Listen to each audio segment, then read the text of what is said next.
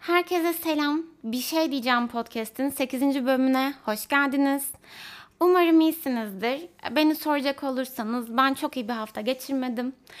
Ama e, pazartesiyle beraber yeni haftaya bomba gibi girdik. Her, herkese inat. E, yolumuza sokacağız hayatımızı. Şimdi bölümle direkt başlamak istiyorum. Senenin bu zamanlarının benim bireysel hayat hikayemde önemli bir zaman olduğunu söylemek istiyorum. Bu sebeple e, bu sene de bir kere daha kendime ve çevremde kendini kötü hisseden herkese biraz destek olmak istiyorum. Kendi kendimi desteklemem, hatırlamam gereken şeyleri kendime ve bu vesileyle size de hatırlatmak istiyorum. Şimdi yıllar önce götüreceğim sizi. Yıllar önce bir sabah evde uyanmıştım. Yataktan kalktım. Mutfağa gittim. Kettle'a su koyup çalıştırdım. Sonra mutfaktan yatağa döndüm. Önce yatağın üstünde böyle bir süre oturdum. Boş boş gardıroba baktım. Bir süre sonra kalktım yerimden. Kettle'ın fişini çektim. Yatağa döndüm ve yorgana sarılarak uyumaya devam ettim. Bunun adının depresyon olduğunu o zaman henüz bilmiyordum. Ama ben kendi yaşadığımı şöyle anlatabilirim. O sabah yaşadığım küçük vazgeçişlerin e, birikerek zamanla çok büyük vazgeçişlere sebep olmasıyla kendimi hayatımın olağan akışından kopmuş bulmam ve ne zaman nerede tekrar o akışa gireceğimi bilemememdi. Şöyle düşünün mesela bir futbol maçında oynuyorsunuz, koşuyorsunuz sahada. Belki top ayağınızda, kaleye doğru gidiyorsunuz ya da birinden top çalmaya çalışıyorsunuz. Ama bir anda ansızın durup diyorsunuz ki ben ne yapıyorum? Neden koşuyorum? Bu top ne? Kale ne? Bu topun neden kaleye gitmesi gerek? İşte o kafa bir geldi mi oradan çıkmak, tekrar koşmak, tekrar sahaya inmek, kaleye gitmek o kadar zor ki. Artık her şeye bu şekilde yaklaşıyor oluyorsunuz. İşinize, okulunuza, ilişkilerinize. Eğer sorgulayıp çöpe atmadığınız bir şeyler kalıyorsa geriye onlara tutunuyorsunuz. O da yoksa zaten her şey daha da zor. Ben şahsen kendimi o zamanlar en çok yatakta yorgana sarılmış şekilde iyi hissediyordum. Zaten öyle ki artık oturur pozisyonda duramıyordum. E, o bile bana bir yük gibi geliyordu. Sürekli yatıyordum. Yine böyle hissettiğim zamanlarda yıllar önce eve bir kargo gelmişti ve kargoyu iade etmek istiyordum. Kargo merkezine gidecektim. Kutuyu aldım, arabaya bindim, konumu açtım, gittim park ettim. Kargo merkezine gittim ama yok kargo merkezini bulamıyorum. Komşu dükkanlara sordum. Bu şube kapanmış. Başka yere açmışlar. Beni oraya yönlendirdiler. Ben kutuyu alıp arabaya tekrar geri bindim ve ağlamaya başladım. Ve eve döndüm. Kargoyu iade etmedim. İşte böyle haksız yere kendimi iş beceremez böyle hissediyordum. Küçücük işleri bile yapamayan, başarısız, beceriksiz gibi biri gibi hissediyordum. Yine o zamanlar doğum günümdü. Ee, ailem bana hediye almıştı. Bu Instax fotoğraf makinelerinden. O zamanlar en çok hayalini kurduğum şeylerden biriydi. Ee, kutuyu açtım, paketi açtım, elime aldım makineyi. Ama o kadar üzgünüm ki yani asla o makineye sahip olmanın mutluluğunu yaşayamıyorum. İçimden diyorum ki benim hayatımda fotoğrafını çekebileceğim güzel bir şey yok. Yani o ben o pembe Instax makinesine bakarak ağladım kendi doğum günümde. O kadar çaresiz, o kadar böyle hassas oluyorsunuz ki markette kasada problem çıksa ona bile alınıyorsunuz. İşte benim yüzümden oldu. Ben beceremedim. Ben insanlarla iletişim kuramıyorum diyorsunuz. Daha önce başarılı olduğunuzu düşündüğünüz hiçbir şey size eskisi gibi parlak gelmiyor. Her konuda kendinizi değersiz ve başarısız görüyorsunuz. Mesela insanlar çevrenizde konuşuyor. Ne konuştukları o kadar umrunuzda değil ki. Yani kimseyle sohbet edemiyorsunuz. Tek başınıza kalmanız bu sefer daha beter bir hale geliyor. Bu sefer kendi kendinize o kadar negatif konuşuyorsunuz ki bunlar hiç bitmiyor. Bu halden çıkmak o kadar zor ki tekrar bir şeylere anlam vermek, iyi hissetmeye çalışmak. Hep böyle söylerim. Bana deseler ki tekrar YGS'ye hazırlanacaksın ve tıp fakültesi kazanacaksın. Ama depresif yaşadığın yılları hayatından sileceğiz. Ben kabul ediyorum. Bana depresyonun karşısına ne koysalar ben kabul ediyorum. Çünkü diğer her şey bana çok yapılabilir geliyor. Ve bu durum fizyolojik olarak da çok açıklanabilen bir şey değil e, bu arada. Ya tedavisinde selektif serotonin geri alım inhibitörleri kullanılıyor. Yani vücutta serotonin artırılmaya çalışılıyor ve bu etkili oluyor aslında. Gayet de tedavi edilebilir bir şey. Fakat depresif hastalarda serotonin azlığı tespit edilmiş falan değil. Yani siz doktora gittiğinizde depresif hissettiğinizde kendinizi sizden kan testi falan alınmıyor. Yani e, böyle bir şey yok, böyle bir durum yok. Hani demir eksikliği gibi değil mesela. Önce eksikliği kapatalım, sonra demir depolarımızı dolduralım. Değil, böyle bir durum da değil. Şimdi birazdan size bir kitaptan bahsedeceğim. O kitapta bu durum için şöyle söylüyor, depresyon için. Yazar şöyle anlatıyor. Parçaları arıza yapmış bir makine değilsin sen. İhtiyaçları karşılanmayan bir hayvansın. Bir topluluğun parçası olmaya ihtiyacın var. Hayatın boyunca sana pompalanan, mutluluğun yolunun paradan ve bir şeyler satın almaktan geçtiğini söyleyen abur cubur değerlere değil, anlamlı değerlere ihtiyacın var senin. Anlamlı bir şeye ihtiyacın var. Doğal dünyaya ihtiyacın var. Saygı gördüğünü hissetmeye ihtiyacın var. Güvenli bir geleceğe ihtiyacın var. Tüm bunlarla bağlantı içinde olmaya ihtiyacın var. Gördüğün yanlış muamele için hissettiğin utançtan kurtulmaya ihtiyacın var diyor yazar. Ve devam ediyor. Bu bulantınıza da ihtiyacınız var. Çektiğiniz acınıza ihtiyacınız var. Bu bir mesaj. Bu mesajı dinlemeniz gerekiyor diyor. İşte çoktan alıntı yapmaya başladığım kitap Johan Harry'nin böyle mi okunuyor yine bilmiyorum. Kaybolan Bağlar isimli kitabı. Bu kitapta yazar kendi depresyon deneyimlerinden yola çıkarak yaptığı çok geniş araştırmaları paylaş, paylaşıyor. Ve şu soruyu soruyor bize. Ya depresyon aslında yaz tutmanın bir biçimi ise, olması gerektiği gibi olmayan hayatlarımız için tutulan bir yazsa, kaybetmekle birlikte hala ihtiyaç duyduğumuz bağlar için tuttuğumuz bir tür yaz. İşte kitabın ismi zaten Kaybolan Bağlar buradan geliyor. Kitap boyunca yazar depresyona bireysel olarak bakamayacağımızı, bireysel çözümler üretemeyeceğimizi anlatıyor. Ve depresyonun sebebinin kaybolan bağlarımız olduğunu söylüyor. Önce hayat, yaptığımız meslekten bahsediyor. Çeşitli araştırmalar sunuyor ve yaptıkları işte kendini değerli hisseden ve anlamlı bir iş yaptığına inanan insanların diğerlerine oranla çok daha az depresif hissettiğini söylüyor. Örneğin ben bu kitapta değil kendim bir örnek vereceğim size. İki hemşire düşünelim aynı hastanede aynı bölümde çalışıyorlar. E, mesela psikiyatri bölümünde çalışsın iki hemşire de. Birinin yaptığı işe bakışı e, ben her gün insanlara yardım ediyorum. Onlarla iletişim kurup ilaçlarını veriyorum. Anlamlı bir iş yapıyorum olsun. Diğer hemşirenin bakışı da şöyle olsun. Psikiyatri bölümünde çalıştığım için hiç kendimi geliştiremiyorum. İnvazif işlem yapamıyorum. Çocuk gibi hastalar haplarını yuttu mu onları kontrol ediyorum. Tüm gün burada boş bir iş yapıyorum diyor. İşte bu ikinci hemşire kendisini depresif hissetmeye çok yatkın. Çünkü yaptığı işle bir bağ kuramıyor Burada bence bakış açısıyla ilgili bir durum da yok. Yani bu mutsuz hemşireye biz her gün desek ki bak çok iyi bir iş yapıyorsun. Ne güzel hastalar sakinleşiyor burada. Topluma uyumlu hale geliyorlar. Sen de onlara yardım ediyorsun. Biz o hemşirenin bakış açısını değiştiremeyiz. O belki de ameliyathanede çalışıp değerli bir şey yaptığına inanacak. Öyleyse çok basit. Yapmak istediğimiz işi yapmak için adım atmamız gerekiyor. Ben mühendis olmak istiyordum ama ailem zorlatıp yazdırdı deyip hayatı hem kendimize hem etrafımızdakilere zehir etmenin ne anlamı var? Çok basit ya. Hiçbir zaman geç değil. Yapmak istediğiniz işi yapacaksınız. Evet depresyona girdiğimizde yataktan çıkmaya biz karar vermiyoruz, veremiyoruz. Ama yaptığımız eylemlerde e, yani seçtiğimiz meslekte bizim irademiz kesinlikle var. Ee, ilgi duyduğumuz, sevdiğimiz mesleği yapmak bence bizim sorumluluğumuz ve e, ben şahsen sırf bu yüzden 6 yıl okuduktan sonra doktorluk yapmayı bıraktım.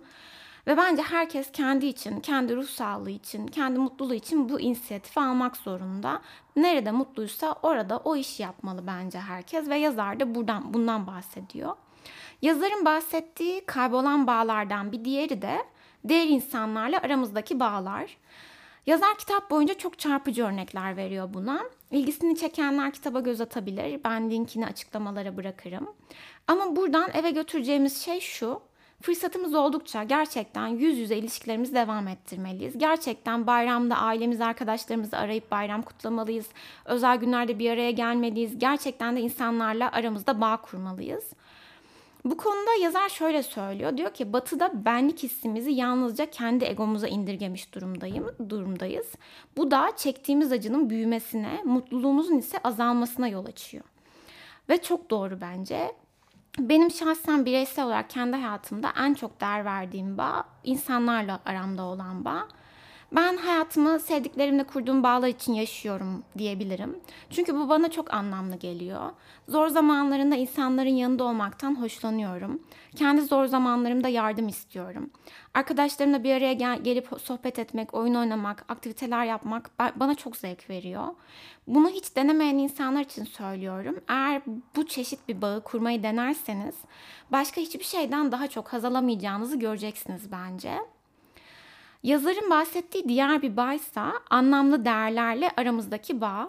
Ee, buna dini inançlar, ritüeller, inandığımız her şey giriyor. Ee, mesela örneğin ben kendim e, hayatımda isimle ne dersek diyelim evrende bir denge olduğuna inanıyorum. Üzenin üzüleceğine, zarar verenin, zarar verenin zarar göreceğine inanıyorum. Buna ama çok ama çok bireysel bir anlamda inanıyorum. Örneğin şundan bahsetmiyorum. İşte İsrail bütün dünyada sivilleri öldürüyor ama dünyanın en güçlü ülkelerinden biri. Hani böyle bir buna inanmıyorum. Bu kadar büyük e, pencerede buna inanmıyorum. Ben şu şekilde bir dengeye inanıyorum. Çok mikro anlamda. Mesela ben bu sabah kütüphaneye gittim. Birkaç kitap aldım. Sonra bir kitabı geri koymaya karar verdim. Biraz acelem vardı alfa, alfabetik sıraya göre kodlanıyor ya kitaplar. Dedim ki şöyle bir, bir yere bırakayım hani random bir yere bırakayım bu kitabı. Sonra dedim ki ben bu kitabı kendi yerine koyayım. Gittim koydum. Çünkü ben bir daha kütüphaneye gittiğimde yeri değiştirilmiş, karıştırılmış bir kitapla karşılaşmayacağıma inanıyorum bunu yaptığım için. İşte bu inanç beni hayata bağlıyor. Dini inançların, ritüellerin insanların psikolojisindeki koruyucu bir etkiye sahip olduğu herkes biliyor. Şu an mesela Instagram'a bir giriyoruz. Bir sürü yoga, spiritüellik üzerine hesap var ve çok fazla takip ediliyorlar. Çünkü insanlar yapılandırılmış bir şeye bağlı kalmaktan hoşlanıyorlar. Bir yere ait olmak istiyorlar. Eğer depresyon konusunda kendinizi koruyucu bir check-up'a sokmak isterseniz bağlı olduğunuz değerleri ve inançları gözden geçirin derim. Daha sonraki bağ, e, bağ ise yazarın bahsettiği insanın geçmişiyle kurması gerektiğini söylüyor yazar. Burada çocukluk travmalarından bahsediyor. İnsanın çocuklukta yaşadığı şeyleri anlaması ve kabullenmesi gerektiğini ve bu yolla çocukluğuyla bir bağ kurması gerektiğini söylüyor. Ben de buna çok katılıyorum. Bence insan çocukluğunda kendini ne yaraladıysa büyüdüğünde artık o şeyin kendisini yaralamasına izin vermeyerek kendi kendine bebeğinlik yaptığında o bağı kurmuş oluyor. Aslında buna yetişkin olmak diyebiliriz tamamen. Kendine yetecek parayı kazanmak, kendini doyurabilmek, kendine güvenli bir ev bulmak, kendi duygusal ihtiyaçlarını karşılayabilmek. İşte bunların hepsi bence çocuklukla bağ kurmak. Daha sonraki maddede ki bence en şaşırtıcılarından biri yazar diyor ki statü ve saygıyla bağ kurmalıyız. İnsanların günlük hayatında saygı görmelerinin olmazsa olmaz olduğunu düşünüyor yazar. Araştırmalardan örnek verdiğinde her şey daha daha iyi oturuyor kafalarımızda. Şirketlerde üst düzey yöneticilerin, karar verici insanların ve kendi işlerini yöneten insanların statülerinin olduğunu ve dolayısıyla onlara saygı duyulduğunu söylüyor.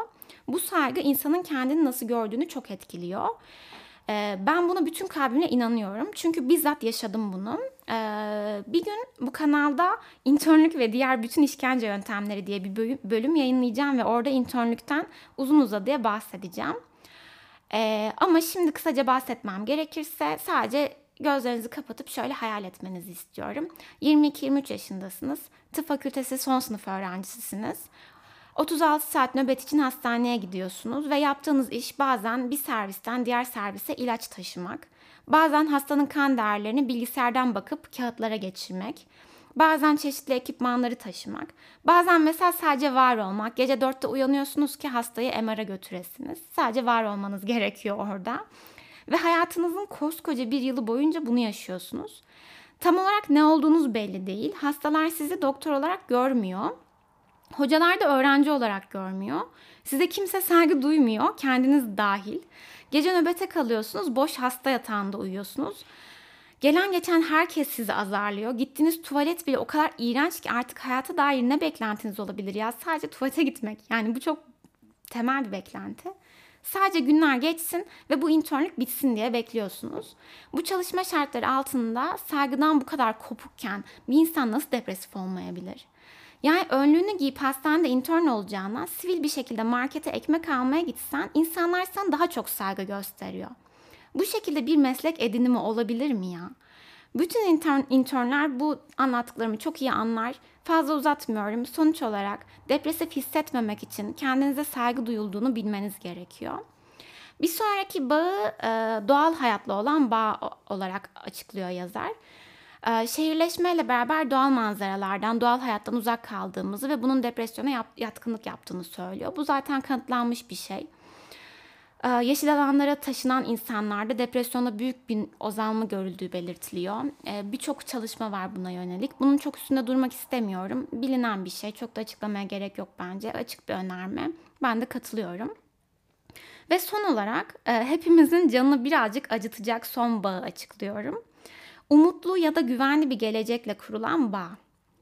Bu gerçekten o kadar önemli ki insanın geleceğe umutla bakması, beklentilerinin olması bence dünyanın en rahatlatıcı hislerinden biri. Küçükken mesela e, hatırlayın. Örneğin 4. sınıftan 5. sınıfa geçiyoruz. Biliyoruz ki 5. sınıfta işte o ilkokulun son yılı ve mezuniyet töreni olacak. Mesela mezuniyet törenine belki heyecanlanıyoruz. Onunla ilgili hayaller kuruyoruz. Üniversite sınavına hazırlanırken mesela çok stresli bir süreç ama hayallerimiz, umutlarımız var. Onlar için çalışıyor olmak bize iyi geliyor. Yani hedef odaklı, amaca yönelik yaşamak insanı çok rahatlatıyor. İşte bunun için de kendimize bir mutluluk verecek hedef bulmalıyız bence. Maalesef şu anda birçoğumuz için bu yurt dışında bir hayat kurmak. Ama ne olursa olsun geleceğin bize güzel şeyler getireceğine inanmak bizi depresyondan koruyor.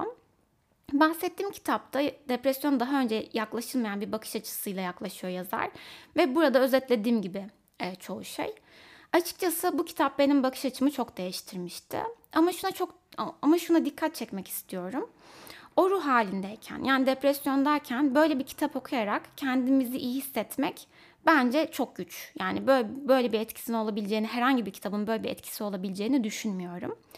Bu anlattıklarımı depresyon için aşılanmak gibi düşünebilirsiniz. Yani koruyucu bir etki. Yani depresyon ortaya çıkmadan önce e, kendimizi korumak için yapabileceğimiz şeyler olarak düşünebiliriz bence. Ama işte o sabah uyanıp kahve yapmaktan vazgeçip yatağa döndüğümde kendimi kargoyu bile doğru yere götüremeyecek kadar beceriksiz hissettiğimde galiba ihtiyacım olan tek şey yalnız olmadığımı hissetmek ve bu durumun geçeceğine inanmaktı. Ee, bu yüzden bu bölümü bitirirken şu anda bu durumda olduğunu bildiğim yakınlarıma, hiç tanımadığım ama söyleyeceklerimi duymaya ihtiyacı olan herkese birkaç bir şey söylemek istiyorum. Eğer e, bugün yataktan kalkmak istemiyorsanız kalkmayın. Yataktan kalktığınız ve yapmanız gerekenleri yaptığınız bir sürü gün oldu. Bir gün tekrar kalkıp hayatla baş edebileceğinize eminim. Çünkü ben yaptım öyle oldu. Yolunuzu ararken kaybolduysanız, tam bir yere varacakken bir anda kendinizi bir çukurda bulduysanız, yolun sonunda hiç ışık görünmüyorsa, olduğunuz yerde kalın ve biraz çamurla oynayın. Asla acele etmek zorunda değilsiniz. Hiçbir şey kaçırmıyorsunuz. Kendi üstünüze gitmeyin. Eğer elinizden oradan çıkmak gelse zaten çıkardınız. Kimseyle konuşmak istemiyorsanız tamam konuşmayın. Ama kendinizle konuşurken en azından kendi üstünüze gitmeyin. Belki tekrar tekrar düşünerek kendinizi mahvettiğiniz olayları bir başkası sizin için daha sindirilebilir bir hale getirebilir. Oradan bir çıkış var, buna eminim. Hem de oradan çıktığınızda çok daha sevdiğiniz biri olarak hayata devam edeceksiniz. Çünkü anlamı olmayan bir sürü şeyden kurtuldunuz artık. Çöpe attıklarınızın çoğu zaten çöpe atmanız gerekenlerdi. Şimdi burada saydığım her şeyle ve kendinize göre ihtiyacınız olan diğer şeylerle de tekrar bağ kurabilirsiniz. Ne zaman isterseniz o zaman yapın bunu. Sürekli işleyen bir sistemde işlevsiz bir şekilde kenarda oturmanın verdiği suçluluk duygusunu çok iyi biliyorum. Belki okulunuzu uzattınız, belki işten atıldınız, belki bir süre para kazanamadınız ya da bir ilişkiniz bitti. Hepsi o kadar telafi edilebilir şeyler ki kaybettiğiniz her şeyi zaten siz kazanmıştınız. Onları bir daha kazanmanız asla hiç zor değil. Kendinize kim olduğunuzu hatırlatmak için güvendiğiniz insanlarla konuşun belki.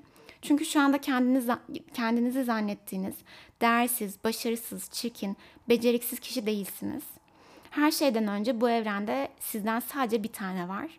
Bunun için kendinizde değer katacak eşsiz bir şey olduğuna hep inanın. Belki de bir küçüklük fotoğrafınızı bulun ve ara ara ona bakın. Ben çocukluk fotoğrafıma bakarken şöyle söylüyorum ona. Yaranın kanadığını hissettiğinde, sesinin titrediğini hissettiğinde beni yanında say.'' Bu bölümü dinleyen herkese de aynısı, aynısını söylüyorum şimdi. Ee, sizler de beni yanınızda sayın.